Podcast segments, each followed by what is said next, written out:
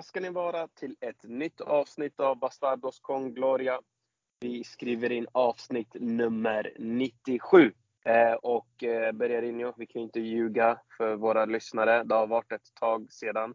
Så jag tror vi ska sluta och säga eh, att vi ska komma tillbaka, att vi ska komma tillbaka. Utan det får bli så här lite med Bastardos. Vi droppar liksom när vi lite, ja, när vi lite känner för det. Och eh, det kanske inte är det roligaste för lyssnarna. Men eh, vi gör vårt bästa också, eller hur? Vi har ju våra liv och eh, vi älskar Real Madrid och vi, vi gör det här liksom på, på vår egen tid. Och, men eh, det är såklart att vi är tillbaka nu, eller hur Bererinho?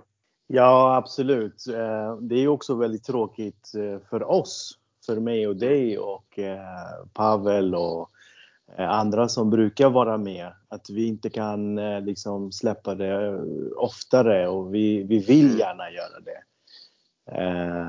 Vi försöker verkligen, men det är som du säger, livet kommer emellan många gånger och Ja. Och det blir inte riktigt av och så vidare. Så att, eh, men det är skönt att kunna spela in lite ikväll och få surra lite fotboll med er och med våra fans som ska lyssna på det här senare. Verkligen, verkligen. Ja, men så blir det ibland. Vi, det är bara att köra på och eh, vi kommer såklart eh, att diskutera heta ämnen idag. Men vi välkomnar också till podden Pavel. Läget med dig Pavel? Tjenare boys! Jo tack, det är bara bra. Eh, som ni säger, det kanske är lite tid emellan varje avsnitt men eh, det är mycket roligt att prata, eller det blir mycket saker som samlas och prata om. Också. Mm. Så det blir ganska kul. Roliga ämnen att ta upp. Precis. Vi är lite annorlunda från andra poddar Pavel. Du vet andra poddar de släpper ofta, vi släpper var fjärde, var sjätte månad. Det är så vi jobbar. Eh, det blir så. Mm. Hörni, eh, grabbar, eh, vi har en hel del som sagt att stå i. Eh, vi eh, ska såklart diskutera det här heta ämnet som har varit överallt. Sociala medier, eh, stora eh, mediehus som har tagit upp det här ämnet och eh, eh vi ska ju såklart börja där tycker jag och eh, vi har fått in också några lyssnare som har hört av sig till oss och frågat när vi ska släppa och de vill också att vi ska behandla den här frågan och det är ju Ancelottis vara eller icke vara i Real Madrid. Eh, och det kan ju låta lite konstigt eh, i och med att Real Madrid ändå ligger eh, etta i tabellen och man är fortfarande kvar i Champions League. Eh, det är ju de två eh, turneringarna som eh, är viktiga här. Eh, men Berger, vad säger du då här om Ancelottis vara eller icke vara? Hur känner du inför den här frågan? Eh, ja, men det är en fråga som eh, har varit eh, i luften ganska länge. Alltså, egentligen sedan den dagen Ancelotti blev officiell. Eh, så har man undrat om eh, han är rätt person. Eh, är han den tränaren som eh, Real Madrid ska anställa nu och så vidare. Eh, så att det, det, jag är inte överraskad att den frågan eh, dyker upp och kommer tillbaka även nu under säsongen trots att vi, eh, vi leder eh, ligan och ska spela kvartsfinal i Champions League. Mm. Pavel, vad känner du kring det här uh, Ancelottis vara eller icke vara i klubben? Som Bergare är inne på, det har varit någonting som varit uppe på tapeten sedan han tog över. Eh, det är en det är en väldigt komplicerad fråga för det, det, vi kan göra hela, eller det man gör hela tiden som madridista, det är ju att jämföra med tiden med Zidane och hur framgångsrik den var och vad han gjorde. Eh, rotationen klagas på. Det, det jag, ett, med tränarglasögon så är jag en tränare. Jag har Real Madrid som trupp. Eh. Och vi har så här många turneringar att ställa upp i. Varför jag hade valt att rotera där? Delvis taktiskt, för då vet jag vad jag har för typ av spelare i många, i fler, många fler matcher än vad det har varit i år, kanske för Real. Och så hade jag kunnat utnyttja dem, hålla dem samtidigt glada och fräscha för situationer som nu när Benzema är skadad. Han spelar med Isco som forward. Istället för Jovic som vi har köpt in som ska spela forwardsrollen. Tror du att det kan... Mm. Ja. Nej, jag håller med. Nej, jag tänkte bara... Eh, tror du att det finns en anledning till att Ancelotti inte roterar då? Vad tror, att det, vad, vad, tror du hur tror du han tänker liksom? Varför han inte gör det med just till exempel Jovic då? Tillit, tror jag. Du litar inte mm. tillräckligt på dem. Alltså, kolla, tänker vi tillbaks på tiden med Zidane. Jag minns ligamatcher då vi kunde ställa upp med så, här så kallat B-lag. Ja. Då var det ju spelare som kanske inte fick spela lika mycket eller fick den uppmärksamheten. Men de gick ut och gjorde jobbet och det såg lätt ut. Exakt. visst, det var, mm. det var inga dussinspelare. Det är inte det jag menar. Men jag menar att de användes. Och sen mm. Eh, var stormatcher och det behövdes göra en förändring.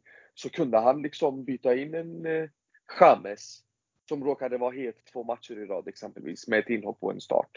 Så kunde han vara viktig i en Champions League-match. Jag menar att du kan Morata många gånger. Det var inte så att han fick spela mycket. Men han gjorde ett par avgörande mål. Vi har inte sett någon, knappt någon sån situation. Och då har vi ändå Hazard på bänken. Varför fick inte han spela senast? Mm. Så, så, han är frisk Absolut. och han ser fräsch ut. Ja, jag vet inte. Mm. Ja, men det är ju relevanta frågor, absolut. Eh, jag tänker så här, om vi, fans liksom ser ju det här tunnelseendet kanske lite av att vi vill rotera och eh, eh, vi kanske tänker bara rotera för roterande skull nästan att det har gått så långt. Att vi tänker så liksom. Eh, tror, vad, hur, hur, tror Ancelotti tänker? Tror du han tänker att men jag kan inte lita på de här spelarna. Fansen förstår inte att de här spelarna på träningarna, de har inte engagemang. Jag litar inte på dem. Det är någonting som de saknar. Hur tror du Ancelotti resonerar? Alltså för att eh, svara på den här frågan medan så vill jag bara eh, lite så här kort eller snabbt Eh, beskriva liksom vem är Carlo Ancelotti för Real Madrid och vad är han för typ av tränare? För om man tittar eh, hur eh, att han har liksom en individuell relation till spelarna. Eh, han vill inte vara över dem utan han vill vara på samma nivå som spelarna. Eh, han vill helt enkelt liksom vara en av truppen helt enkelt. Och den erfarenheten har han tagit med sig från sin tid som spelare och sedan som tränare. Eh, och under den här tiden så har han liksom lärt känna olika karaktärer. Sedan har han en relation med laget, med klubben som Real Madrid i helhet och så vidare. Så likt Zidane så är han väldigt duktig på att liksom övertyga spelarna att han är ledaren och den filosofin som han eh, predikar. Eh, så en stor fördel för att, eh, för att Carlo Ancelotti ska vara i Real Madrid, om vi tar både fördelar och nackdelar, eh, det är ju att han har en erfarenhet av olika ligor och länder och så vidare och vunnit tidigare och en respekterad man av alla fotbollsälskare. Men när man kommer till Real Madrid som tränare så får man en färdig trupp framför sig och det är här mitt svar på din fråga kommer in. Eh, truppen är ju byggt av Real Madrids ledning och består av spelare som eh, Perez eller José Ángel Sánchez gäng har valt ut. Oftast får tränaren eh, byta ut ett par spelare eh, eller komma med ett par önskemål. Jag minns när Benitez till exempel tog över då, hämta hem Casimiro, köpa in Kovacic och så vidare och sedan hade Hazard nu och så vidare. Eh, så de, eh, Real Madrid är inte en klubb som byter ut eh, hela backlinjen för tränarens skull till exempel. Eh, Carlo Ancelotti är ju en tränare som är liksom perfekt för att anpassa sig till den truppen han får. Det är ju väldigt likt Zizou. Eh, Pavel nämnde Zidane, det är därför jag kommer tillbaks till honom. Eh, mm. och hans fotboll, det, det, den fotbollen han förespråkar är väldigt nära Real Madrids DNA. Det är vinna, det är eh, offra, det är vinna även om de inte spelar bra. Visa karaktär och aldrig ge upp. Du vet, det är lite italienskt och det är lite det han är inne på. Eh, dessutom så är han fantastisk som vi sa. Eh, eh, att anpassa sig till stora stjärnor och alla personligheter som han får i den här, den här truppen. Mm. Så det, det, är hans fördelar att, att vara i Real Madrid. Mm. Mm. Men till hans disfavör i Real Madrid så innebär det att han ska vinna. Det slåss för samtliga titlar och på alla fronter. Och Carlo, Ancelotti, jag är så förbannad på honom. vi, har, vi, har, vi har snackat eh, de här dagarna sedan eh, uttåget i kuppen. Han brukar förlita sig på 14-15 spelare även om han sällan hamnar i problem med spelare 15 till 24 då om vi tar 24-manstruppen. Detta gör att han inte använder hela truppens kapacitet vilket får väldigt lidande effekter. Och spelarna är antingen trötta för att hålla samma tempo som de brukar under hösten. För oftast, vi såg ju Everton och vi, vi har sett i Real Madrid tidigare och så vidare. Men under våren när de tuffaste matcherna ska avgöras, eh, då sitter han helt plötsligt med 14-15 trötta spelare som har verkligen gett allt under hela hösten. Eh, vi vet ju att Simor var inne på att eh, faktorerna till varför Carlo bara vunnit fyra ligatitlar under hans tränarkarriär. Um, och det har han ju ändå tränat liksom Zidans Juventus, den bästa versionen av Milan under 2000-talet. Real, Chelsea, Bayern, PSG, alltså Real igen. Det, det, det är många, många stora lag. Och man hade någonstans hoppats att han hade lärt sig att använda hela truppen. Eh, med facit i hand så lät han två ligatitlar glida under hans händer senast han var i Real Madrid. Och det var på mm. grund av skador, överbelastning. Nu såg vi kuppen förloras. Eh, vi har med all rätt, vi har all rätt att vara oroliga. För vi har börjat tappa fler poäng mot sämre lag nu under våren, vilket hände tidigare också. Eh, vi ska möta PSG om ett par dagar. Men lagets viktigaste spelare är skadad. Så att han inte kan hålla de här spelarna varma. Att han inte kan ge dem förtroende. Att han inte kan åtminstone hålla dem glada. Jag är väldigt, väldigt, väldigt förbannad egentligen, som jag var inne på, att vi sitter och tittar på en Real Madrid-match och kommentatorerna säger Marcelo, Hazard, Jovic, Bale, Ceballos, la la la la la la.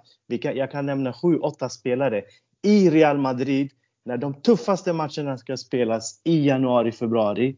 Vi har åtta, nio spelare som är matchotränade. Hur kan det hända? Är det tilliten som ni var inne på?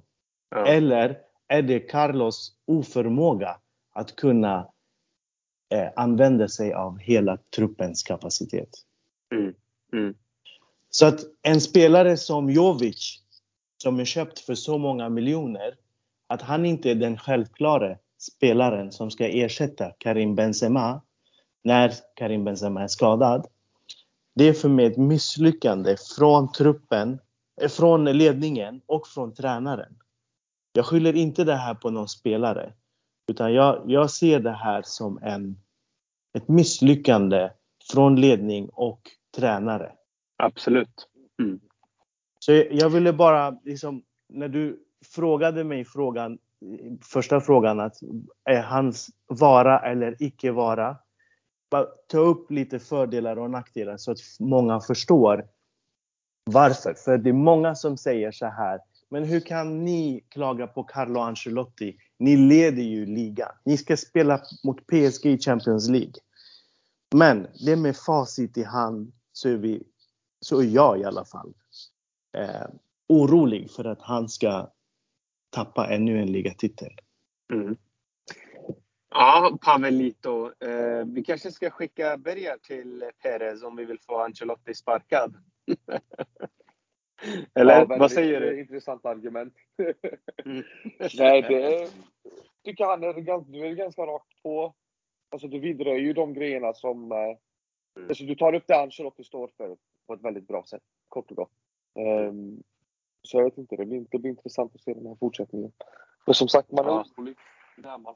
Och sen så, så var vi inne på en annan grej som Pavel touchade på och det är ju att när du håller de här resterande truppspelarna eh, i någorlunda form. Jag menar inte liksom Peter Vinicius spelar med Hazard, det är inte det.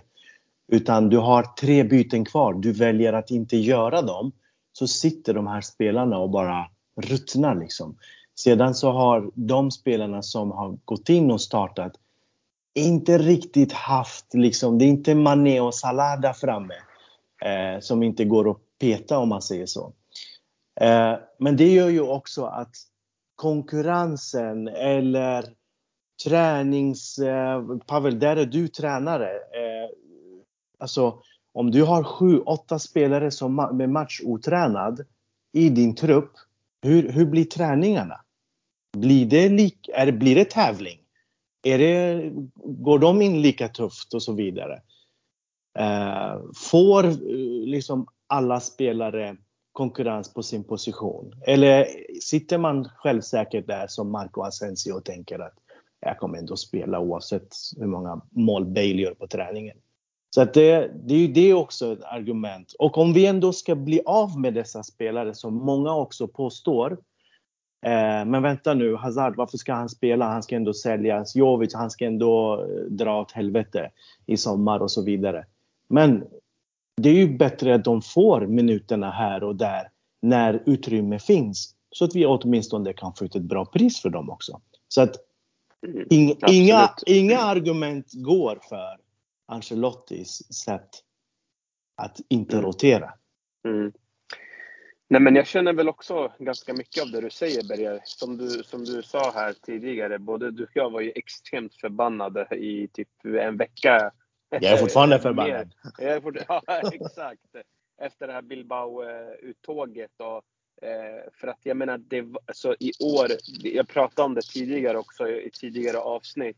Om man går tillbaka och lyssnar. Och jag sa det, jag är rädd för den här Ancelotti-anställningen och jag var även eh, rädd att eh, hur kommer det gå liksom framåt? Hur ser, vi, hur ser vi ut om några månader framåt? Och hur ser vi ut från nu och några månader framåt? Och det tyder inte på att det kommer bli eh, en förbättring, eh, utan det tyder på att det bara kommer gå ner sig och gå ner sig och gå ner sig. Och det är också en sån grej som jag tycker Ancelotti, återigen, eh, han, han vill liksom han, han vill inte förändra och när han gör det så är det onaturligt. Det sker inte på ett naturligt sätt. Utan det ser lite liksom tvingat ut, som att det måste vara liksom eh, Jag vet inte hur jag ska förklara det, men det känns inte rätt när han väl gör det. Eh, spelar Kamavinga 45 minuter. Nej, nu måste jag hämta in Valverde. Ja, men vänta. Jag bytte inte in Jovic och Hazard mot Bilbao, men nu ska jag göra det för att Alltså det, det, det vet inte, det, det finns inget sammanhängande, det finns inget mönster i det han gör. Och jag menar, tittar vi på lagen som Real Madrid har tappat mot. Det här är ju mindre lag eh, som Real Madrid ska slå. Men man ser samma mönster om och om och om igen. Det är liksom ingen förändring. Och jag tycker inte Ancelotti är rätt tränare eh, för Real Madrid att leda Real Madrid nu in. Han är absolut bra som en kortvarig lösning, men det är väl det jag tror också många kanske tänkte att han skulle vara egentligen från början han är en, liksom en kortsiktig lösning. Det är ingen långsiktighet som jag tänker på när jag tänker på Carlo Ancelotti. Men man vill ju inte att det ska gå heller åt helvete nu. Nu har man PSG, nu håller man på, eh, liksom, okej okay, nu tog man i och för sig tre poäng mot Granada och, eh, Sevilla tappade poäng. Men det är fortfarande liksom så här, man har en oro. Och det ska inte finnas en oro. Eh, jag menar, det var ju ren kross ju första av halva den här säsongen. Real Madrid gick som tåget och nu känner man helt plötsligt bara istället, mm, tänk om man tappar ligan. Och att det finns den där lilla tanken i hjärnan på oss madridistas, det säger ändå väldigt mycket om vart man har honom just nu. Men för att vi ska liksom bilda ändå en annan eh, opinion här alltså, och att vi ändå eh, lyfter fram också det här positiva. Eh, Pavel, vad tror du gör att nu, den här, vid samma tidpunkt förra säsongen eh, så hade Zidane 42 poäng. Eh, 41 mål eh, och 15 insläppta. Ancelotti har 53 poäng, 48 mål och 18 insläppta. Men ser du någonting som kan göra att han blir långvarig? Vad, vad finns liksom det positiva med att ha kvar honom?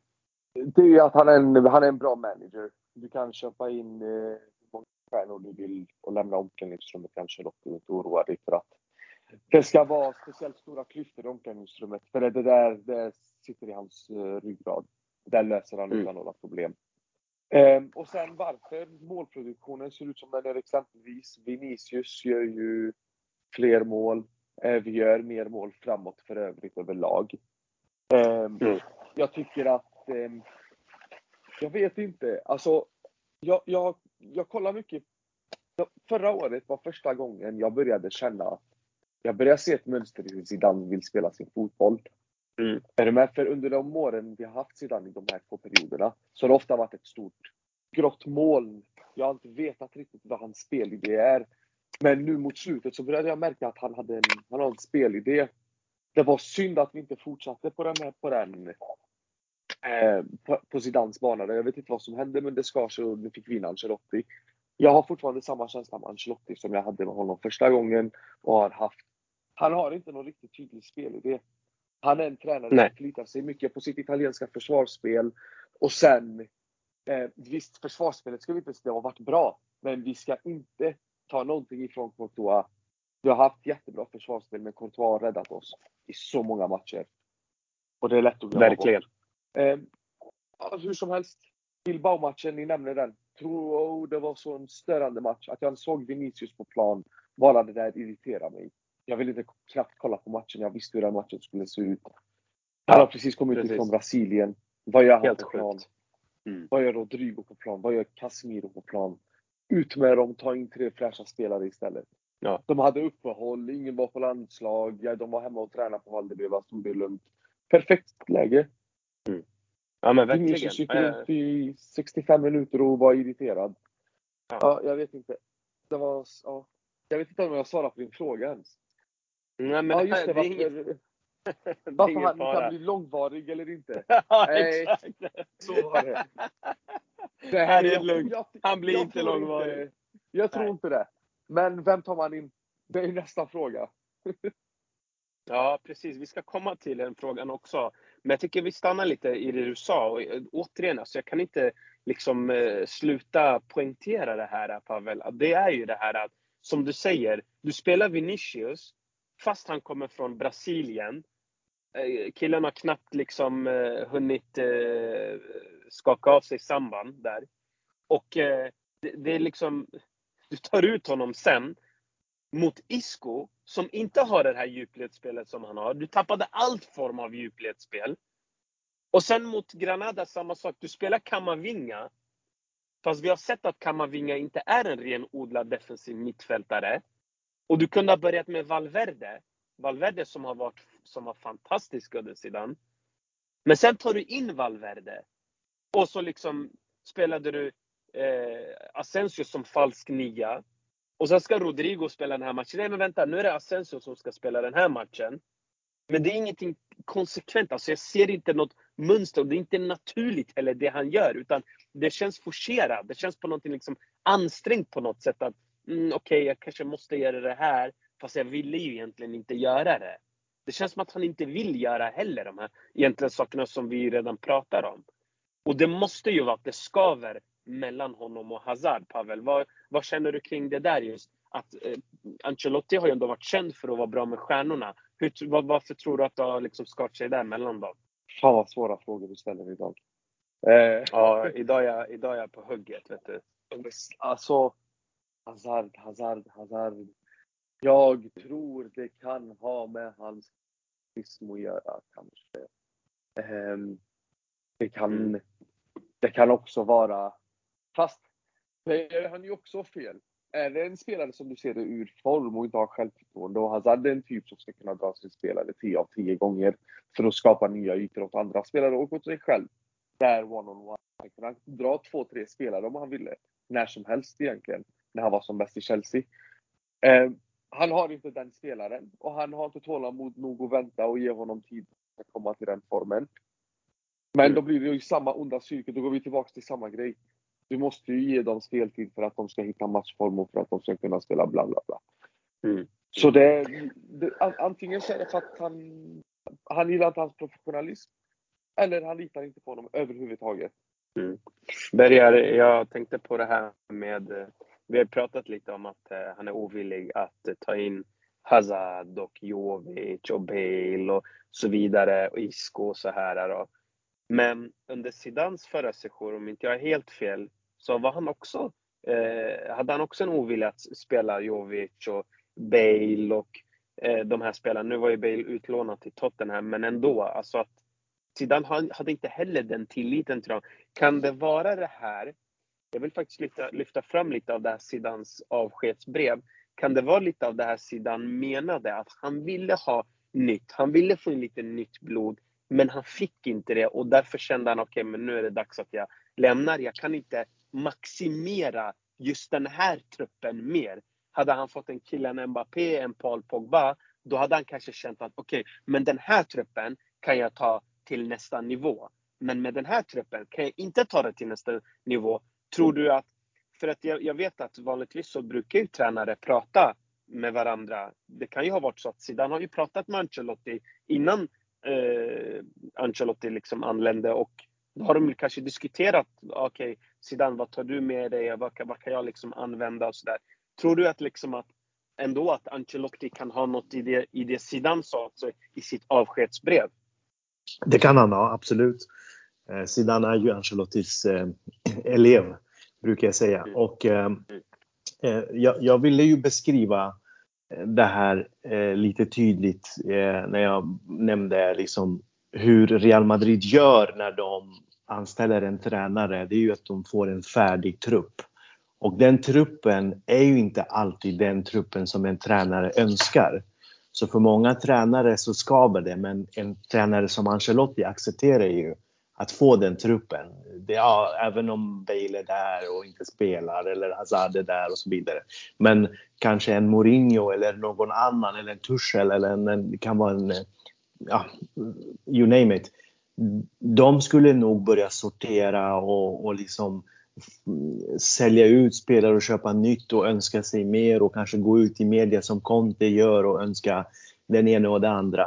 Så att ehm, eh, det är mycket möjligt att Zidane och eh, Ancelotti har pratat tidigare eh, och eh, det är också möjligt att även Ancelotti inte, likt Zidane, inte förlitar sig så mycket på, eller det är tydligt, eh, på Luka Jovic och så vidare. Där önskade man sig att eh, eh, att Ancelotti skulle komma in och med sin liksom, individuella relation till spelarna för att problemet Zidane och Jovic var inte egentligen på plan, det var ju utanför plan.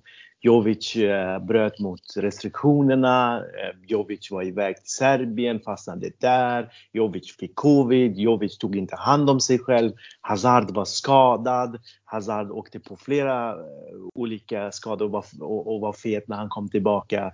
Eh, Isco hade gått upp i vikt och så. Så att alla de här faktorerna gjorde ju att Zidane inte kunde förlita sig på de här spelarna. Men den här säsongen det är inte lika mycket spekulationer kring Jovic eller kring Hazards skador eller kring uh, Isco som ser faktiskt uh, rätt så bra ut i kroppen. Uh, med Pintus tillbaka och så. Så att där sorterar jag bort alla de här hindren som Zidane hade med de här spelarna. För det var ju också skador, det var disciplinära liksom, problem skäl. och skäl och så vidare. Så där hade han någonting att gå på. Men den här säsongen nu, jag har ju, Hazard har ju varit skadefri sen oktober, november om jag inte minns fel. Alltså, han har ju liksom varit med hela tiden. Isco ser lite mer fitt fit ut än vad han gjorde tidigare. Jovic, det är inte så mycket kring honom att han är iväg och grillar mitt i corona eller mitt i eh, restriktionerna och så vidare som han hade varit och så. Eh, så att eh, jag ger inte Carlo Ancelotti någon skäl, någon anledning till att inte använda sig utav de här spelarna.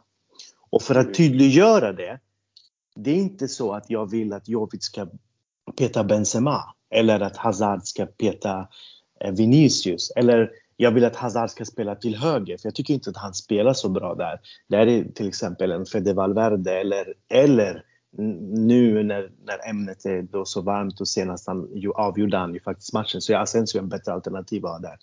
Men jag menar, om du har tre byten kvar, om du har två byten kvar som tränare, varför ger du inte det till dina bänkspelare? Det behöver inte vara Hazard. Om han fyller ut dem med lite minuter, med lite tanke eh, på att okej, okay, jag kommer att spela kuppen om, om om några veckor eller en vecka. Jag kommer att behöva dessa spelare i den matchen. För jag har spelare borta i Brasilien. eh, som kommer att spela landskamper 44 timmar innan. Och det är ju lite som du säger, det känns inte som om det blir planerat riktigt. Jag menar, nu pratar vi Hazard, Hazard, Hazard. Det är inte för att lyfta fram honom. Men jag tycker det är kriminellt när Hazard avgör mot Elche och tar Real Madrid vidare till nästa omgång och du ger inte honom en enda minut. Du har gjort två byten, ditt lag har släppt in mål i 89 minuten. Det är sex minuters tilläggstid. Inte ens där! Det, det blir så här, ej vad fan är det som händer? Och så, och så nämner han i media öppet till oss fans eh, för att Hazard ska nå toppen igen, för att han ska hitta tillbaks till formen, då behöver han minuter. Då behöver han speltid.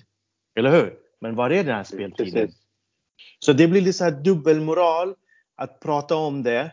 Eh, hellre så vill jag höra honom säga så här. Du, Hazards tid i Real Madrid, den är borta. Det är slut. Precis som Zidane var ute och sa om Ödegaard, Jovic och alla de här. Va? De ska bort. De ska lånas ut. Det, det, det är inte mina spelare. Och så beskriver han det i sitt brev efteråt att det var inte riktigt den truppen jag ville ha. Precis. Mm. Jag håller med. Faktiskt. Mycket bra poäng. Alltså, jag menar, borde vara, var tydlig istället för att bara du vet, försöka undvika frågan. Utan säg bara det, det här är Hazards sista tid i den här eh, klubben och eh, det, vet du, det kommer vara så här framöver. Ja, och då Meran, Punkt slut. Då, Meran, då vill jag se en annan spelare Eventuellt om det inte finns någon i truppen, då vill jag se en Castilla-spelare eh, lyftas fram. Jag vill se en ny debutant för det här året. Vem, vem är, vem är liksom vem är, var är Sergio Arribas? Var är Miguel Guterres? Var är eh, Antonio Blanco? Som, som sedan lyfter fram ändå liksom trots alla problem och träningsanläggningen och corona och pandemi och allt, allt, allt som var. Så inte ens där ageras det. Så att när det inte finns andra alternativ, då går jag tillbaks och ser det vi har i truppen. Och när jag ser att eh, det inte händer någonting, eh, det är då man, man, har en anledning till att vara orolig och man börjar tänka tillbaka när Bale, Cristiano och Benzema fick eh, eh, smärtstillande för att kunna klara av att spela matchen mot Atletico Madrid i finalen. Eh, där kunde vi ha förlorat en Champions League. Eh, där hade trötthet eller Ancelottis eh, oförmåga att rotera hade kanske kostat oss även den titeln. Så att eh, det är det man, som gör att man med facit i hand är orolig. Ja, och helt bedrövligt att tappade ligan det året också faktiskt ledde med 9 poäng i november. Och i år, då ska vi också bara, för det, var ni inne på och rörde på lite också. Det är ju tur att vi inte har en riktig utmanare som pressar oss. Det är ändå en Sevilla som vi vet tappar poäng här och där. Och de kommer inte tappa lika mycket som de har gjort nu kanske på sistone. De kommer att ha sin tid också där de vinner 6, 7, 8 matcher i rad. Så att det är tur att vi inte har någon MSN Barca i ryggen eller en Atletico Madrid som Real ändå, som Zidane ändå stötte på förra säsongen. Det var, det var en tuff nöt att knäcka. Uh, så att, um, ja, det är det. Så att, mm. det är många som diskuterar det här ämnet och det är många som skriver om det. Jag har själv varit väldigt aktiv med folk på, på Twitter och sådär. Uh, man måste tänka mycket större än, än vad många gör. Mm, verkligen. Eh, om vi ska gå vidare då här. Alltså nu Pavel, vi pratar lite om det här med vi pratar nästan som att Ancelotti är sparkad och vi vill att han ska få sparken, typ. Men man vill ju att han ska också såklart lyckas, för man älskar Ancelotti som människa. Han är fantastisk som person och han har gjort mycket i fotbollen och sådär. Men eh, säg nu då att Real Madrid går vidare då. Vem hade du eh, velat se ta över då? Om vi ska gå in lite på den frågan. Eh, först vill jag klargöra, jag vill absolut inte se Ancelotti sparkad så. Men eh, mm. vi Real Madrid-fans har ju, eller Real Madrid-fans, klubben Real Madrid har en kravbild. Och den kravbilden ska uppfyllas oavsett vem du är. Det spelar ingen roll om du heter Zidane Ancelotti eller om du heter Del Bosque. Det är liksom någonting som ska uppfyllas och så är det. Så för att svara på din fråga. Jag vet inte. efter tiden i PSG med Pochettino har jag blivit osäker på honom. Jag ville ha Tuchel eller en Allegri som har en tydlig spelidé. Men för att komma till ett lag som Real Madrid så behöver du en tränare lik Zidane och Ancelotti. Jag vill ha tillbaka Zidane. Oh, den gillar jag. Bra svar. svar. Faktiskt. Ja, men alltså det är ju, varför inte? Jag håller med. Han, han, han är gjord för att träna Real Madrid. Jag fattar mm. inte grejen. Nej, jag fattade inte heller grejen med avskedsbrevet och allt som hände mellan dem. Eller jag fattar grejen, men man fattar ändå inte grejen. det, det, ja, det, det är faktiskt eh, tråkigt. Men vad tror du om en kille som Raúl då? Att komma från akademin och sådär. Vad, vad tror du om honom? Jag har varit inne på honom, för jag har sett, jag har sett lite matcher med Castillan. De spelar en bra fotboll. Eh, Precis, väldigt tydligt. Inte, ja, en väldigt tydlig spelidé och de spelar mm. en rolig fotboll med. Det är liksom possession Precis. och det är snabba framspelningar och det kan vara kontringsspel, det kan vara bra försvarsspel. Mm. Um, jag, hade, jag hade kunnat tänka mig Raúl om han gör ett år som Zidane gjorde under Ancelotti. Det hade ju varit ett mm. perfekt läge. Mm. Eller om han hade kanske gått ett år. Ja. Eller ett år i en annan klubb. Ja. Mm, ja, ja, fast helst i samma omklädningsrum. Lite så som Zidane gjorde. Jag tror han, ja. Eh, det är nyttigt för honom. Jag vet inte. Det är mm. Zidane, Raúl nämner du. Ja. Det finns väl inte så många tränare. Ja. Men det är i så fall om en sån kille som Tuchel skulle bli ledig eller ja, sådär. Vi ja. vet ju att Chelsea gillar att sparka spelare, äh, tränare höger och vänster, så det skulle i så fall vara det. Men ja, det är ju typ Raúl, eh, Xabi Alonso, vart är han någonstans? Han hade jag gärna också velat se i alla fall Sociedad i B. Innan. Ja, han är ja, Sociedad B. Ja. ja, men varför inte? Alltså, han kanske kan köra också eh, ett år, som du säger, eller halvår under Ancelotti. Frågan är hur länge Ancelotti blir kvar. Ja, så att alla lyssnare inte missförstår. Det är inte så att vi sitter här och säger sparka Ancelotti höger och vänster, utan det vi säger att det vi tror är att han inte blir långvarig och det är därför vi tar upp just det här. Vad, vad säger du Bergarinho? Vad, vem, vem, vem tror du kan ta över om det skulle hända att Ancelotti inte blir långvarig? Um, ja, alltså jag har egentligen ingen sådär jätterelation till Tuchel eller till um, Den Haag eller uh, för den delen blir jag väldigt osäker på Pochettino också nu med tiden i PSG. Nu är inte säsongen slut, han kan ju avsluta det fint också. Eh, men eh, jag vill efter Ancelotti, eh, om mm. det är så att Ancelotti får gå, eh, då är det i så fall eh, Raúl jag ändå ganska sugen på. Eh, ha en lite mer spansk touch på truppen och spelidén. För det är det jag tror vi saknar lite. Eh, mm. Och för att också klargöra det. Vi hade ju ändå en, en trots att vi älskar Zidane så hade vi ändå en eh, eh, hade vi ändå kravet på honom att han ska vinna. Eh, men också att han ska använda sig av truppen mycket mer än vad han gjorde. Många ville ju se Ödegaard in istället för Modric redan förra säsongen och det ena och det andra. så att när han gick ju så blev det så här. Okej, okay, nu har Zidane lämnat. Nu ska vi få in en tränare som ska vinna, som ska spela. Eh, för där är också många som kanske inte gillade den spelidén som Zidane hade trots att han var lite handikappad på grund av så många skador och allt annat som pågick eh, runt omkring eh, klubben.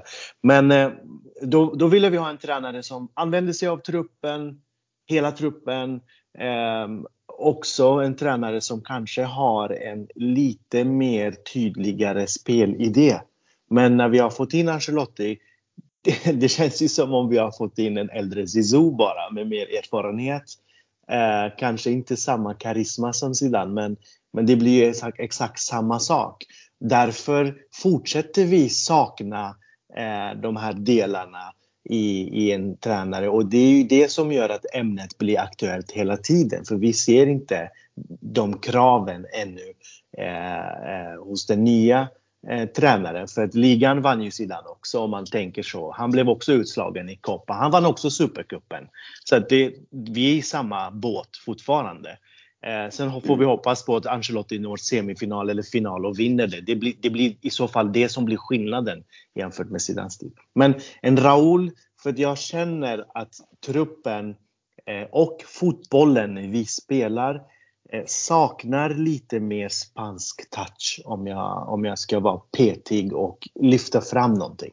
Mm. Och, och Xabi Alonso är ett, ett, namn också definitivt. Men jag tror han är, jag tror Raúl är mer eh, förberedd med tanke på sin liksom, tunga karriär i, i Real Madrid och så. Mm. Ja, intressant grabbar. Det är ett hett debatterat ämne. Vi hoppas ju såklart att det kommer gå bra för Ancelotti och Real Madrid den här säsongen och vi ser fram emot eh, alla matcher här framöver. Eh, jag tänkte innan vi avslutar och avrundar Eh, Bergerino via Real nu då. Eh, vad, mm. vad, vill du se från den matchen? Vad, vad, det är väl ingen snack om saken egentligen. Modric måste väl vila, eller hur? Eh, det, det, måste han. Eh, det, det är mm. många fler som egentligen behöver vinna, eller eh, vila. Eh, men vi behöver också vinna. Och vinna. ja. Så att eh, jag struntar i egentligen vilka Ancelotti spelar med så länge han vinner och har en tanke på PSG-matchen. Eh, så att eh, Modric är en av dem. Jag tycker det var tjänstefel att han startade med Luka Modric mot Granada senast hemma. Mm. Eh, där kunde Valverde ha gått in från start. Vi såg ju hur fräsch han var när han hoppade in. Vi vet ju att Kroos spelade 90 minuter. Även han varför spelar han en sån match egentligen? Eh, så att eh, de två, eh, jag vet inte exakt hur fräsch Alaba och eh, Militao är. Militao var också iväg. Den jäveln, vilken, vilket djur han är. Ja, eh, så att det var ju tur att Vinicius var avstängd senast. Och det är tur att Benzema är skadad. om jag säger så. Och Mandi för den delen. Jag hoppas ja. att de, de vilar. Men eh, vi kan få till ett slagkraftigt lag om Ancelotti bara använder huvudet lite mer. Eh, och vi har faktiskt lite råd med ifall vi skulle få med oss ett kryss också. För vi är alla jävligt bra. Eh, två raka vinster. Eh, de har fått hemmaplan. in... Eh, mm. De har hemmaplan. Real har inte vunnit där sen 3-2 eh, matchen när Morata avgjorde. Så det är länge sedan.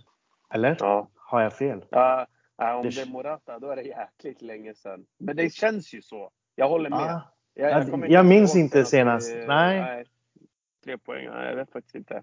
Kanske någon att, gång under sidan, men jag vet Jag inte tror att Zizou kryssade båda. Jag tror det. Eller han torskade faktiskt förra säsongen med 1-0. Ja, nu, nu spekulerar jag bara, men jag tror, jag tror faktiskt det.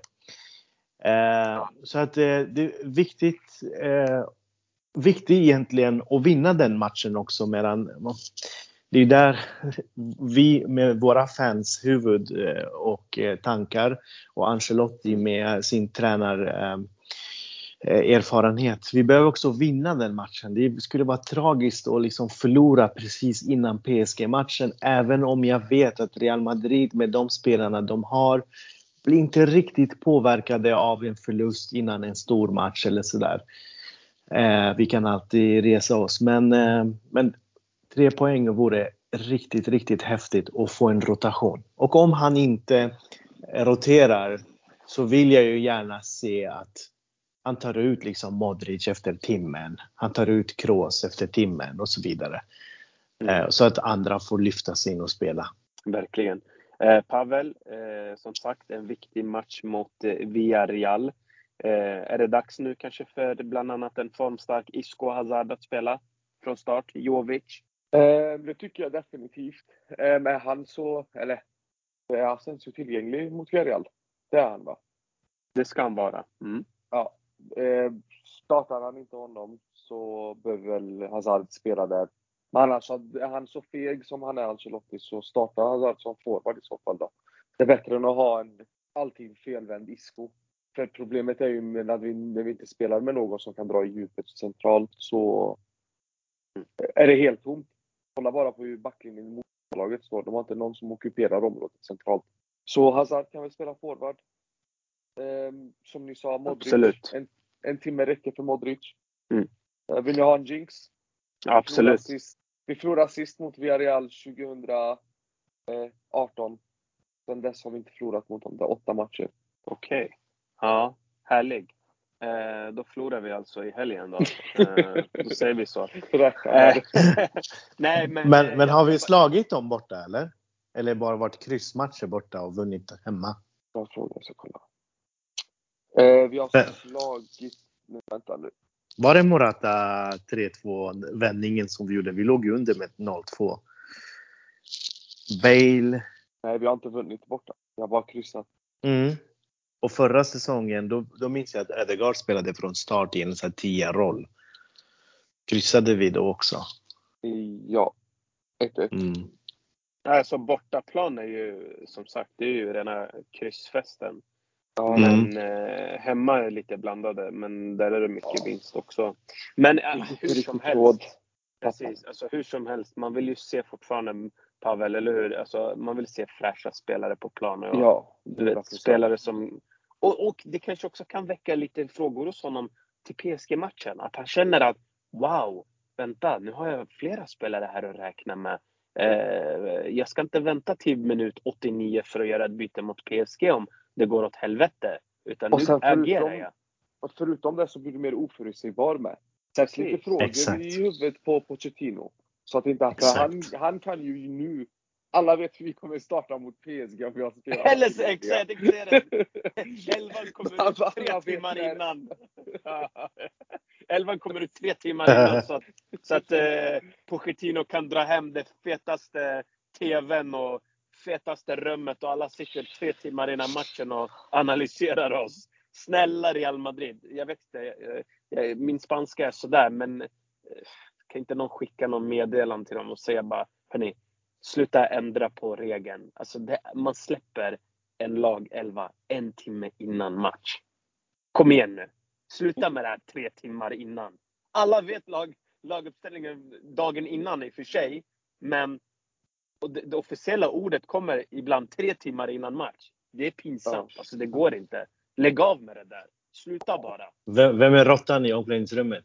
Det måste finnas någon. exakt. Ja, det, Var är, det, är, det, är det Pedro Leon eller är det... Ja, eller...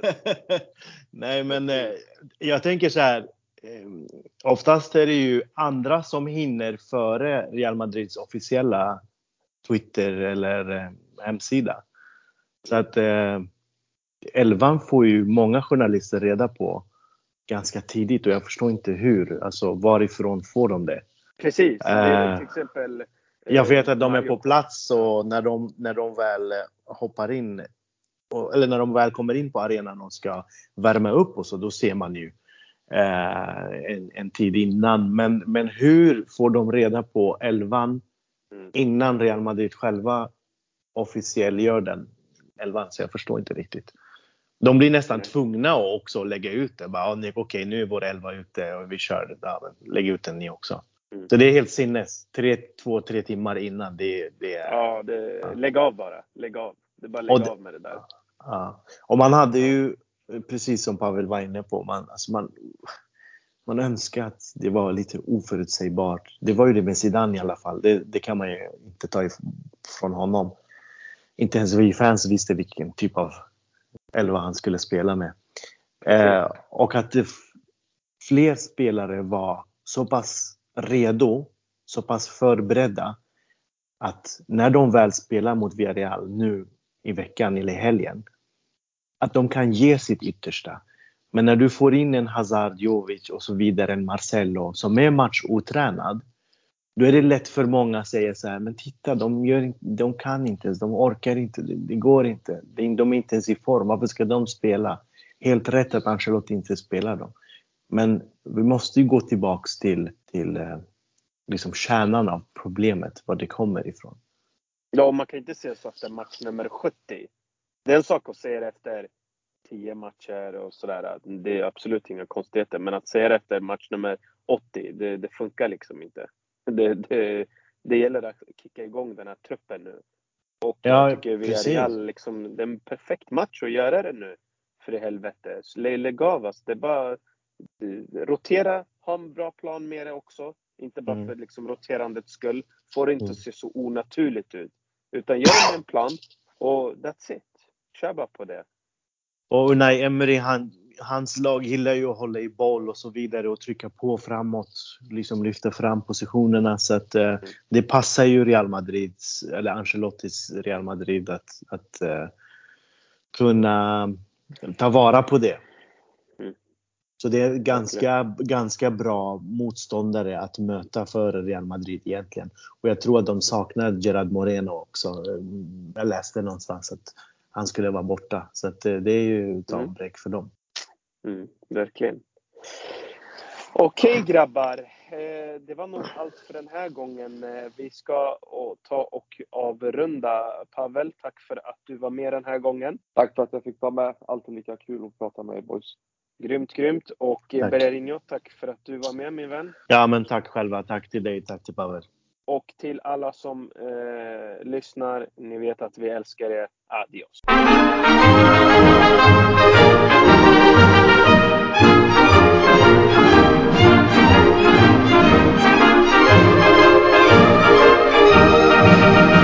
De las glorias deportivas